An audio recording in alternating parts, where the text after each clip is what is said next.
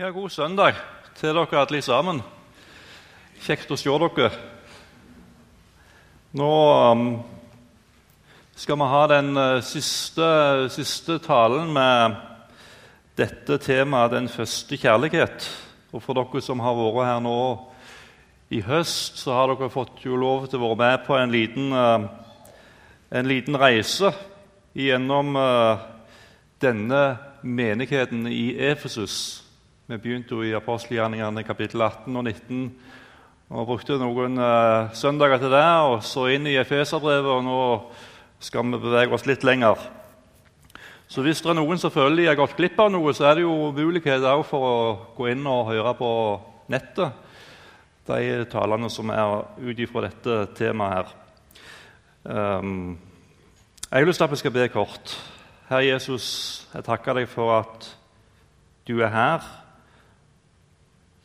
Og takk for at du, Herre, du, Herre, som kjenner oss til det innerste av det innerste av vår hjerte. Jeg ber om at du kan få tale inn i vår liv. Tal, Herre Jesus. Tal, Herre, i ditt navn. Amen. Um, jeg skal ikke si mye om, eh, om, eh, om, eh, det vi har vært innom før. Men vi som har vært her noen søndager før, vi har hørt om hvordan Gud skapte en forandring i uh, mange mennesker sitt liv i denne byen. Denne byen Efesus var på en uh, 250 000 innbyggere. Og hvordan vekkelsen som Paulus fikk lov til å være med på her gjennom tre år, den var med å forandre på bybildet og hele den romerske provinsen Asia. Etter tre år så reiser Paulus videre. Og Ti år etterpå så får denne menigheten brev fra Paulus. Han får beskjed om å skrive et brev til denne menigheten. Så ikke nok med dette. tenker jeg at Da Paulus var her de fikk brev fra Paulus. Og så var det òg andre betydningsfulle mennesker som tjenestegjorde i denne byen, bl.a. Timoteus og en ved navn Tykikos. Ikke så veldig kjent, da. Eh, men så sier også tradisjonen at Johannes han eh, tjenestegjorde i denne menigheten her og i denne byen. Og Han var på en måte en slags biskop for hele den romerske provinsen Asia. Og Han eh, drev da en eh, omfattende virksomhet rundt i hele denne romerske provinsen. Og Så går tida, og så går åra, og nærmere bestemt 40 år etter at Paulus var i denne byen for første gang, så får Johannes eh, beskjed fra Gud om å skrive et brev til bl.a. denne menigheten her. Johannes han har levd et langt liv i Herrens tjeneste. Og nå sitter han da forvist på øya Patmos fordi han hadde forkynt Guds ord og delt evangeliet med andre mennesker. Og jeg Av og til når jeg har tenkt på Johannes, når han da har levd et langt liv i Herrens tjeneste og er på vei ut imot denne øya Patmos, sitter der på båten, og så tenker han ja, nå, nå kan jeg liksom uh, dette er mitt siste.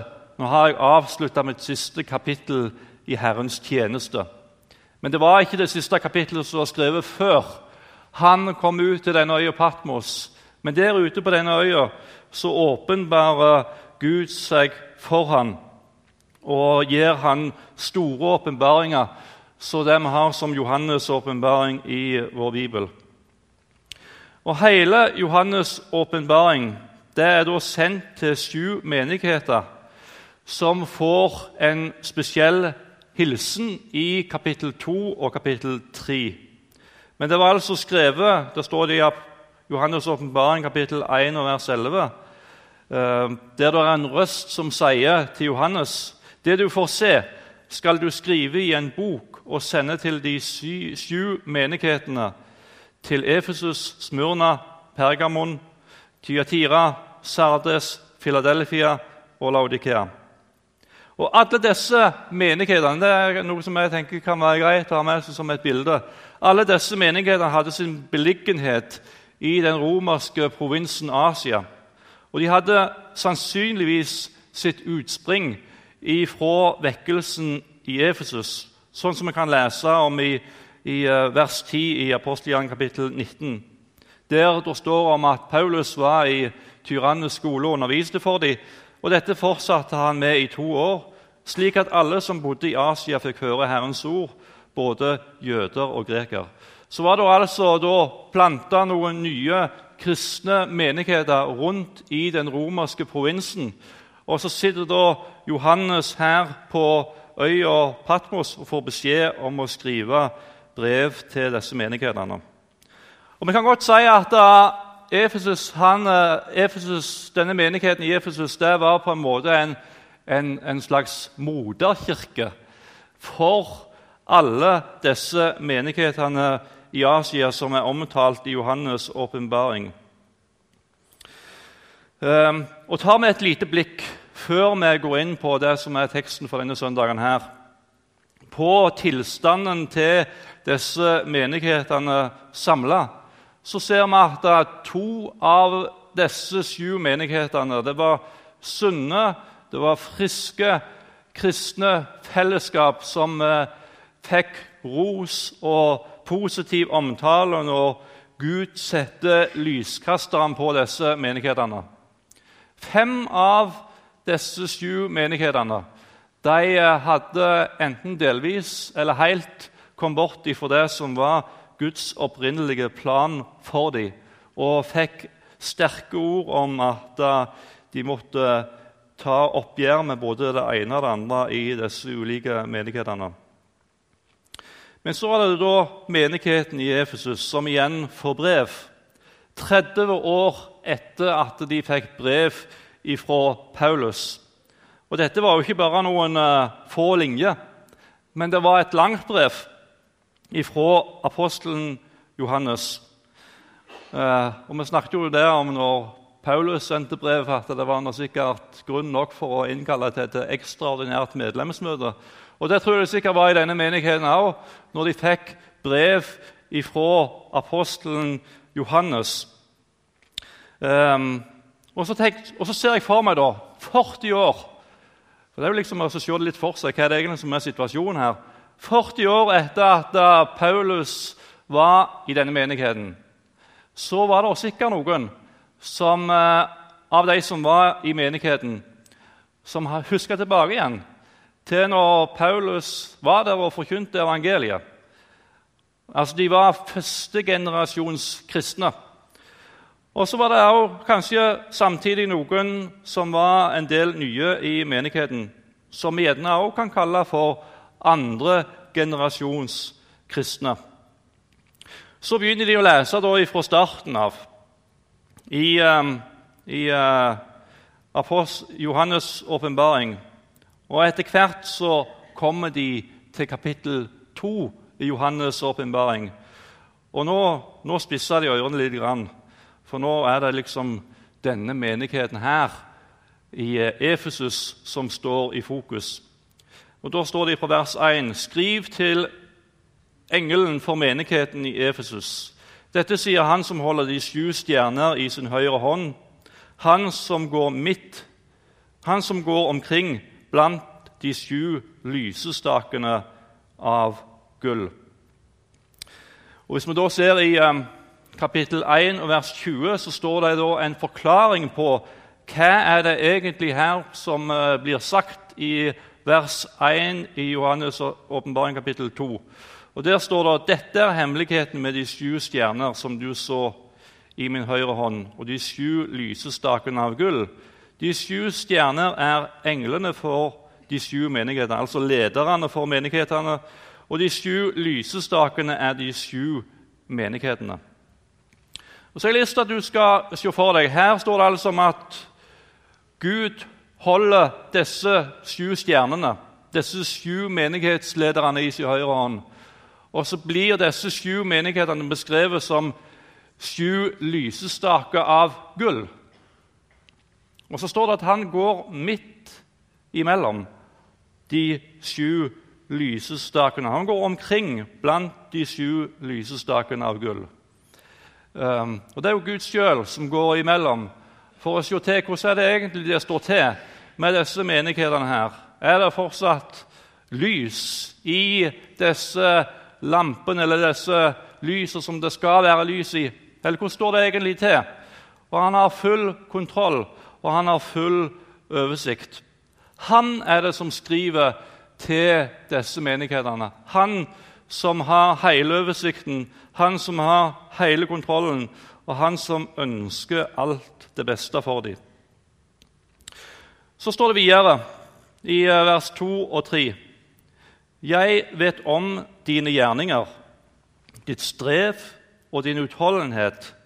Jeg vet også at du ikke kan tåle de onde. Du har prøvd dem som kaller seg apostler, men ikke er det, og du har funnet at de er løgnere. Du har holdt ut, du har tålt mye for mitt navns skyld, og du er ikke, og ikke gått trett. De hadde, de hadde utrolig mye å være stolt av, ikke sant? Paulus hadde sagt at det ville komme vanskelige tider inn i denne menigheten. Og de hadde nok også kommet. Men de hadde holdt ut. De hadde tålt mye for hans navns skyld, og de hadde ikke gått trett. Og det hadde jo vært greit da, eh, hvis, eh, hvis det hadde stått et punktum her. Eh, for da ville jo alle ha trodd at dette var jo en, eh, en flott Dette var jo en eh, oppegående menighet. Det var en som det sto godt til med. Det var en menighet med en lang historie som hadde opplevd virkelig at Herren hadde holdt sin hånd over dem. De fikk møte Jesus til et nytt liv som fikk konsekvenser for dem. De brøt med det gamle livet som de hadde hatt før. De brente bøkene med, der det sto om trolldomskunstner, magi, horoskop, om du vil. Nå var alt blitt nytt, og de hadde gått igjennom vanskelige tider. Og de hadde blitt bevart gjennom disse vanskelige tidene. Takk, Gud, for, for det at du har vært med gjennom alt i sammen. Alt det ytre så bra ut. Det var ingen problem. Det var ingenting av det ytre til å sette fingeren på. Det var en vellykka menighet som hadde en rik historie. Eh, skal vi ta oss og stoppe litt opp eh, før vi går videre, og tenke litt inn i vår situasjon? Eh, for skal jeg våge meg til å si Jeg tror jeg gjør det. Jeg tror jeg våger meg til å si at um, denne menigheten i Efesus det har mange likhetstrekk med Bergens Indremisjon sin historie. For vi òg har en rik historie. Tenk på det som er skjedd gjennom disse 150 åra. Tenk at denne forsamlingen har hatt noen av de store skikkelsene i norsk kristenliv midt i sin midte. Tenk på Tormod Rettedal og Jakob Tråsdal. De som ikke kjenner til disse folka, de får gå hjem og lese historien. og Det er utrolig mye interessant. Um, og Leser vi historien, så ser vi at mennesket fikk et, møte, fikk et nytt møte med Gud, fikk et nytt liv. Um, og så kan vi stå her i dag, og jeg tenker i ydmykhet overfor de som var med i oppstarten så er det ingen som helst tvil om at denne forsamlingen var med på å endre bybildet i Bergen i en positiv retning. Men ikke nok med det. Denne forsamlingen har hatt en stor betydning rundt forbi på hele Vestlandet. Når Dagen skulle skrive om Bergens Indremisjon i forbindelse med 150-årsjubileet, så omtalte Eh, redaktør Tarje Gilje denne forsamlingen omtrent sånn, fritt gjenfortalt. Bergens Indremisjon må med rette kunne kalles for moderkirken for kristenlivet på Vestlandet. Hvis du da tar en liten tur uh, sørover og tar en liten, du kan ta en ganske stor tur, både sørover og nordover, og innom i ulike bygder, innom i ulike forsamlinger og spør hva, hva for noen av disse bedehusene og forsamlingene har røtter til, til Bergens Indremisjon, så vil du ikke finne rent få som har røtter tilbake igjen til det som er skjedd i denne, denne eh, forsamlingen sin historie. Og Vi kunne også nevnt hva denne forsamlingen har hatt av betydning utover hele verden, med Misjonssambandet som ble starta i disse lokalene. herrene. Og Det har nok kanskje også vært vanskelige tider opp gjennom historien, men eh, det har likevel ikke tatt knekken på denne forsamlingen sin plass i byen. Det er mange gjerninger å fortelle om, og det er ingen som helst tvil om at uh, det er et Guds verk når vi leser historien til Bergens Indremisjon. Og så sitter vi her i dag, da. Om ikke absolutt alt, så tenker jeg at det er veldig mye som er bra. Kanskje det meste sånn ytre sett er bra. Men spørsmålet er jo hva er det Gud ser? Og det vet ikke jeg. Jeg vet ikke hva Gud ser. For Gud han ser det vi ikke ser. Han ser inn til det innerste av vår hjerte.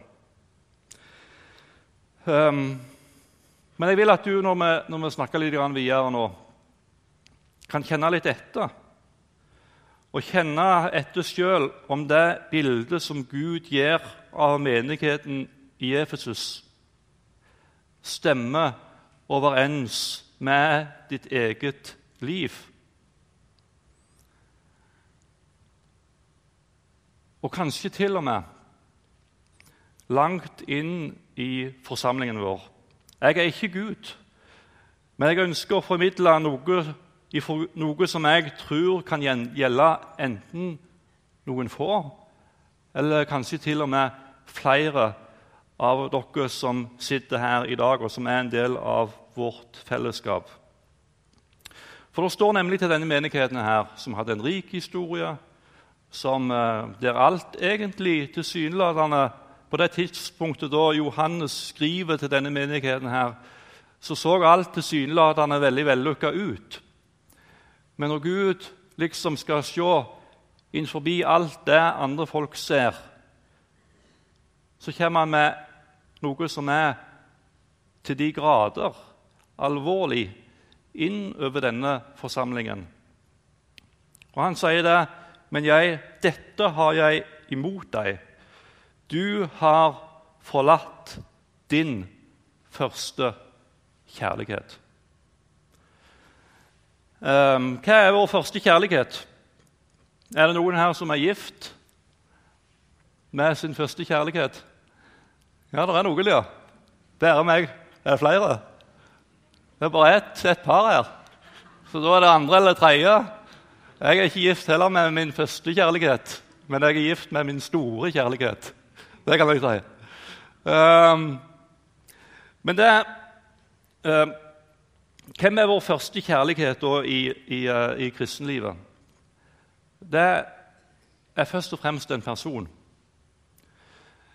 Det er først og fremst Jesus som er vår første kjærlighet. Når hans blikk møtte mitt blikk med det han hadde å gi inn i mitt liv, så oppstår det en, en kjærlighetsrelasjon. Jeg møter hans kjærlighet. Det er jo han som møter meg med, med, den kjærligheten som han har til meg. Og så kjenner jeg at jeg er elska. Jeg er elska av Jesus. Um, jeg leste her for noen dager siden om eh, dronninga av Saba som fikk møte Salomo. Og Hør hva hun sier. Og dette som eh, dronninga av Saba sier om, eh, om Salomo, det tenker jeg kunne vært sagt av et menneske som levde friskt med Gud. Og Hør hva, hør hva hun sier. Hun sa til kongen i 2. krønikabok kapittel 9, vers 5 og 6. Hun sa til kongen, 'Så var det sant, det jeg hørte hjemme i mitt land, om deg og visdommen din. Jeg trodde ikke det de fortalte, før jeg kom og fikk se det med egne øyne.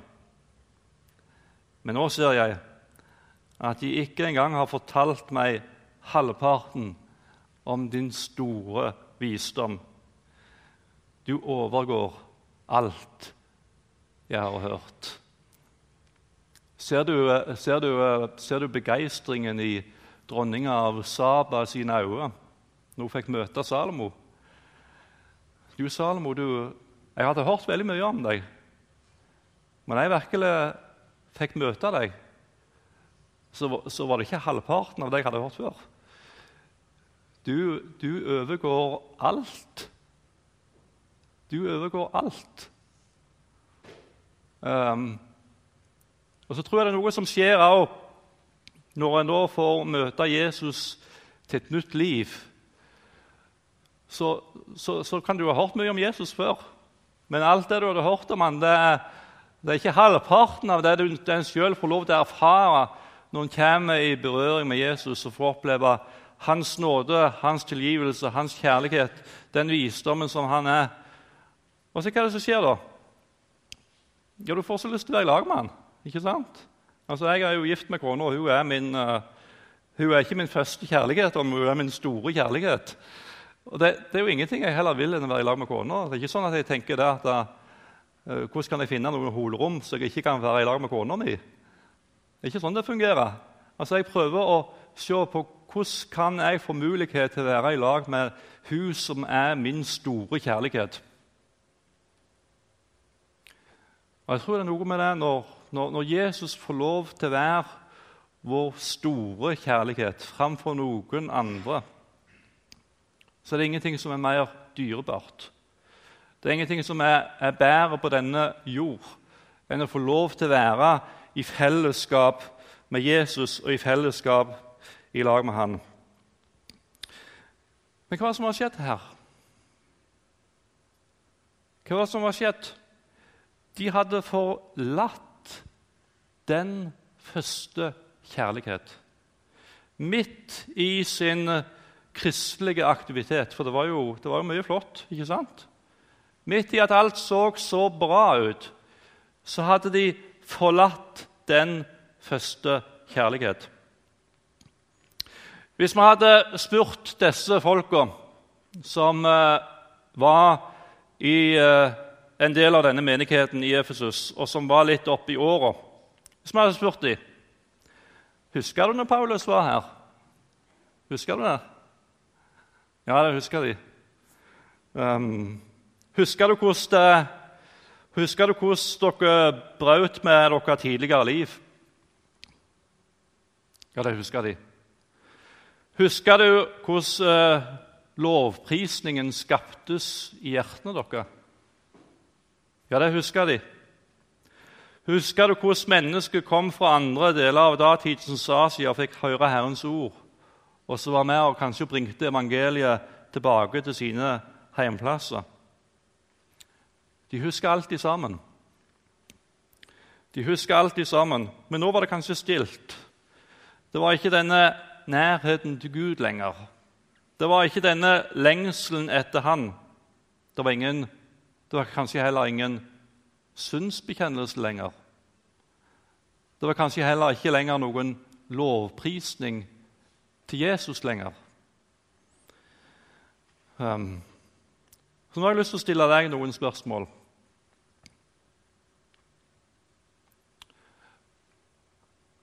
Hvor lenge er det siden du åpna ditt hjerte for Jesus og fortalte han alt i ditt liv?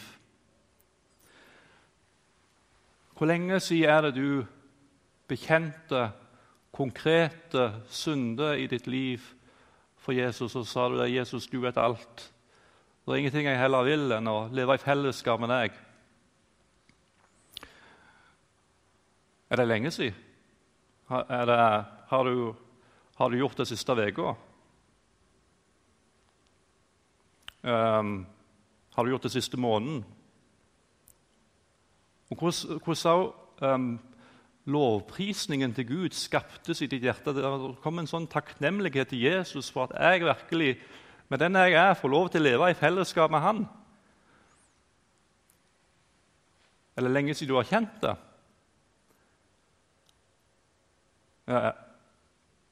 Eller altså, er det lenge, har, det gått et, har det gått to måneder siden? Du bekjente synd for Jesus, og du kjente at det skaptes en lovprisning, en takknemlighet til Han i ditt hjerte.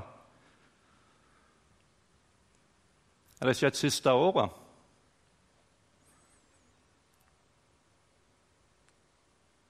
Hvordan er det? Inn, inn i ditt, altså det, ser jo, det ser jo så fantastisk flott ut, hele gjengen. Altså ytre sett, jeg, jeg, jeg mistenker ingen av dere om å være i en sånn situasjon. Ingen av dere. Men hva er det Gud ser? Hva er det Gud ser når han ser inn i ditt hjerte, inn i ditt liv?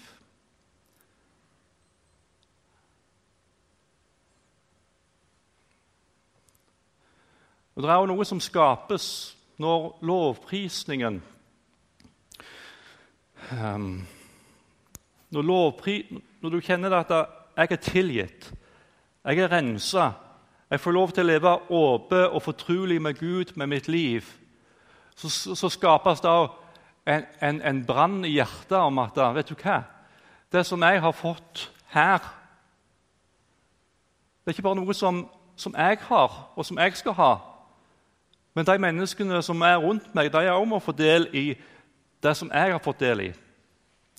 Nå skal dere få et lite, lite glimt inn ifra historien. Jeg holder på å lese årsmelding til Bergens Indremisjon. Er det noen som gjør det på fritida? det er sikkert ikke så mange. Men der, der er utrolig mye interessant. Og Jeg leste herrene fra den 86. årsmeldingen fra 1949-50. Nå skal høre hva Er det noen som husker Alf Andersen? Rett opp hånda de som husker Alf Andersen. Ja, det er noen, faktisk. Ja, Det er jo ganske utrolig. Jeg, jeg, jeg kommer aldri til å treffe han da, før jeg er på andre sida. Men han skriver da om, om, om en, en, vekkelse som var ute i Laksevåg. Det er jo der jeg bor. Og den var, den var ganske formidabel. Han hadde tillyst ei bibelveke for unge og eldre i tiden 12. til 20. mars. Og Allerede første kvelden så står det om at det var åtte, åtte mennesker som søkte forbønn. Og så holdt de det gående i hver kveld i tre måneder til endes. Og hver kveld så var det mennesker som overga seg til Gud, ga sitt liv til Jesus. Jeg syns det er jo fantastisk. Eh, og så tenker jeg da, Hvis det hadde vært hvis vi skulle skrive årsmeldinga til Bergens Indremisjon for, for 2014, og vi hadde opplevd noe sånt, ikke sant? da hadde vi tenkt at dette var jo storarta. Dette må vi skrive i store vendinger. Og, og tenke at nå kan vi slå oss ro. Nå kan vi være fornøyd med et år der mennesket er blitt frelst og blitt møtt av Gud. Og det var disse òg. Eh, men dette var jo det, han, Alf Andersen han skrev en egen beretning om det som skjedde. Jeg skal ikke lese alt det som står der. Men så er det da styret for, for Bergens Indremisjon som skal skrive årsmeldinga. Og så skriver de da atter står vi ved avslutningen av et arbeidsår i Guds rike. Tankene vil uvilkårlig beskjeftige seg, beskjeftige seg med spørsmål som disse. Hva er vunnet? Hva er tapt i løpet av dette år? Det er bare Gud som kan eh, til fulle gi oss svaret på denne vinnings- og tapskonto. Og så står det her Vi takker Gud for Vi takker Ham for de sjeler som fant frelse ved korsets fot. Vi er glad for de mange som gjennom ordets velsignede kraft fikk nåde til å fortsette trosløpet mot himmelmålet og salighetskronen. Det er jo skrevet på en annen måte enn det vi kanskje skrevet i dag. Men så skriver han da vi var tapt. Og så kan du tenke på det at De har holdt på i tre måneder ute på Laksevåg. Og mennesket er blitt frelst i mengdevis. Og Han kunne slått seg til på brystet og si nå, er, nå, kan vi, nå kan vi takke Gud og bare lene oss tilbake. Men så skal jeg ikke være tapt. Med vemod må vi svare. De mange sjeler som ikke ble vunnet for Kristus. Så sier det meg noe om at det var en eh, Det var et hjerte som levde tett på Gud.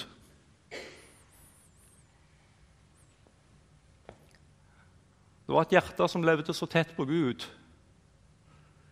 Så takket de Gud for alle de mennesker som ble frelst. Men så kjente de et sånn bankende hjerte for at det er jo ennå så utrolig mange som ikke kjenner Han. Og så skriver kanskje, Nå har ikke jeg studert årsmeldinga før denne preika her fra siste året. Men så kan vi skrive om at det var, det virksomheten går sin jevne og vante gang. Og Vi har en sånn oppslutning med, om møtene på et sånt antall. og er det, et, er det et hjerte som brenner? Er det et hvordan er det med hjertene våre? Brenner de? Brenner de egentlig? Brenner de for at mennesket skal bli frelst? Brenner de for at byen vår Kan vi, kan vi være fornøyd? Ja, vi samla altså en, en 150-200 mennesker her til søndags formiddagsmøte. Og så, og så går mennesker fortapt. De kjenner ikke Jesus.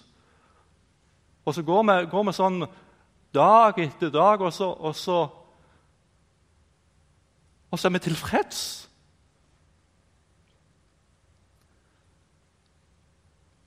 Er det noe som brenner? Brenn, er, det, er, det, en brann i vårt hjerte? Vi sang jo herrene, navnet Jesus må jeg elske. Det har satt min sjel i brann. Ja, kanskje ble du en dag satt i brann. Men brenner du? Brenner du i dag? Er det sånn at du kikker på, på naboen din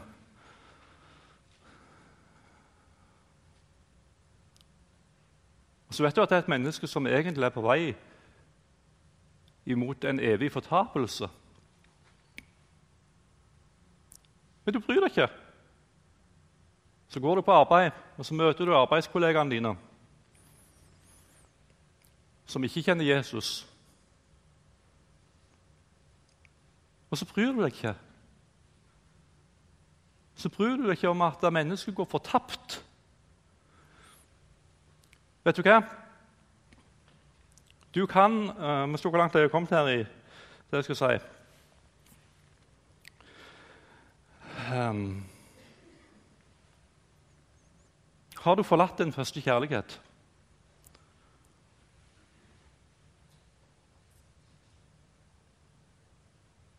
For det jeg tror, og det jeg vet, det er at når, når hjertet mitt lever Du kan ikke dra deg sjøl litt i øret og si nå må jeg, nå må jeg, uh, jeg kjenner, jeg kjenner til at nei, jeg kjenner ikke på noen nød. Så kan du ikke gjøre sånn. Sant? Og så dra deg sjøl litt i håret. Nå må, du, nå, må du, nå må, du, stramme deg opp. Nå må du få mer nød.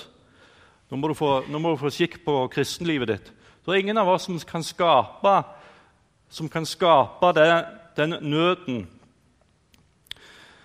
Um, men den skapes i fellesskapet i lag med Jesus. Når du lever nært til Han, når du lever nært til hans bankende hjerte, så kjenner du noe av det hjertet som banker for den verden som ikke kjenner Jesus, og som ikke kjenner han. Hvor er du henne? Hvor, hvor er du henne? I ditt liv Og Jeg vil at du skal Ikke, for, ikke av meg. Altså, du kan gå ut her og tenke at da, ja, det var fin tale. Og, Det var et, budskap til ettertanke. Og, men, men hva gjør du med det? Hvis du kjenner at dette er noe som angår Hvis du kjenner at dette er noe som angår ditt liv, hva gjør du med det? Um, nå skal jeg prøve å runde av her etter hvert. For Jesus han, um, han kaller oss tilbake igjen til fellesskap med seg. Og Det kan være at du sitter og kjenner at dette han sier, er sant. Det er sant, Men du kjenner ingenting i hjertet ditt. Du kjenner ingen, ingen nød heller for den situasjonen du er i. Men så vet du at det er én ting som er rett og likevel. Og det er å få lov til å søke inn til Jesus. Og Kanskje er det sånn at etter hvert så fellesskapet med Jesus ble fjernere og fjernere. Så var det andre ting som kom inn i hjertet og fulgte den plassen som Jesus skulle hatt. Og så er du på en måte tilfredsstilt. Men du er tilfredsstilt med noen helt andre ting enn det som Jesus ønsker å fylle livet ditt med. Jesus han kaller deg tilbake igjen til fellesskap med seg. Um, fortell ham hvordan du har det. Fortell ham hvordan du har det. Ikke smink på, deg, på, på, på sannheten, men fortell han alt. Legg alt ned for hans føtter og sa Jesus, du, du vet om min historie. Du vet om mitt liv. Du vet hvordan det har vært. Nå ønsker jeg å fortelle deg alt. Så står det til denne menigheten her i vers 5.: Tenk på hvor du sto før du falt. Vend om og gjør de første gjerninger. Ellers kommer jeg til deg og tar lysestaken din bort, hvis du ikke vender om. De første gjerninger de kom ifra et hjerte som var tent i brann for Jesus. Ehm, skal du i dag vende om til Jesus som du har forlatt? Du kan ikke tenne deg sjøl i brann. Du kan ikke dra deg sjøl etter håret, men du kan åpne opp for at han kan få lov til å slippe inn med den store kjærligheten som han ønsker å gi til deg. Han lengter etter deg. Om du ikke kjenner en lengsel etter han, Det kan godt være at du, er så, du har kommet så langt vekk at du, er, du, du kjenner ikke noen lengsel etter han lenger engang. Så står Jesus der. Og han lengter etter deg. Han lengter etter fellesskapet i lag med deg. Så kan du ganske enkelt få lov her i dag å åpne opp for Jesus og si til ham her står jeg. Her står jeg med hele mitt liv. Så står det i Jeremia Det er et vers som jeg skal slutte av med her i dag. Jeremia 3, 22. Vend tilbake, bortkomne sønner så skal jeg helbrede deres frafall. Det er Gud som gjør verket. Det er Gud som helbreder. Men det står en invitasjon ifra Jesus. Vend tilbake, bortkomne sønner, så skal jeg helbrede deres frafall. Så står, og så er det om vi kan gi et sånt gjensvar tilbake igjen til Gud. Også. Se, vi kommer til deg, for du er Herren vår Gud. Er, det noen som kjenner at dette er et gjensvar som jeg ønsker å gi tilbake til Gud? Du skal ikke helbrede deg sjøl. Du skal ikke skape nød sjøl, du skal ikke skape frelsesjubel sjøl. Men det er en som vil helbrede. Det er en som vil rette opp igjen. Og Han venter på dette gjensvaret ifra oss. Se, vi kommer til deg, for du er Herren vår Gud.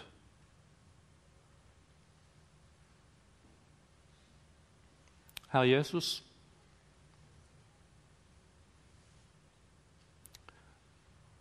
Takk for at du møter oss ikke med fordømmelse. Takk for at du møter oss ikke med forakt. Takk for at du møter oss ikke med pisk. Takk for at du møter oss med nåde, Herre. Takk for at du reiser opp igjen. Takk for at du helbreder, Herre. Takk for at du fører inn på det rette sporet.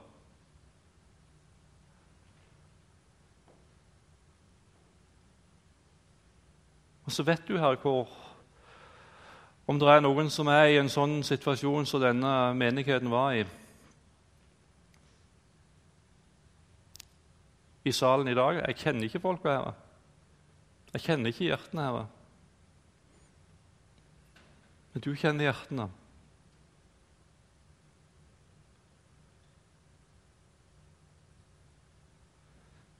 Herre Jesus, nå ber jeg om at du må, at du må gjøre ditt verk. Jeg ber om at du må gjøre ditt verk, Herre Jesus. Takk, Herre Jesus. Takk for at du er en god far. Takk for at du er full av nåde. Takk for at du er full av tilgivelse.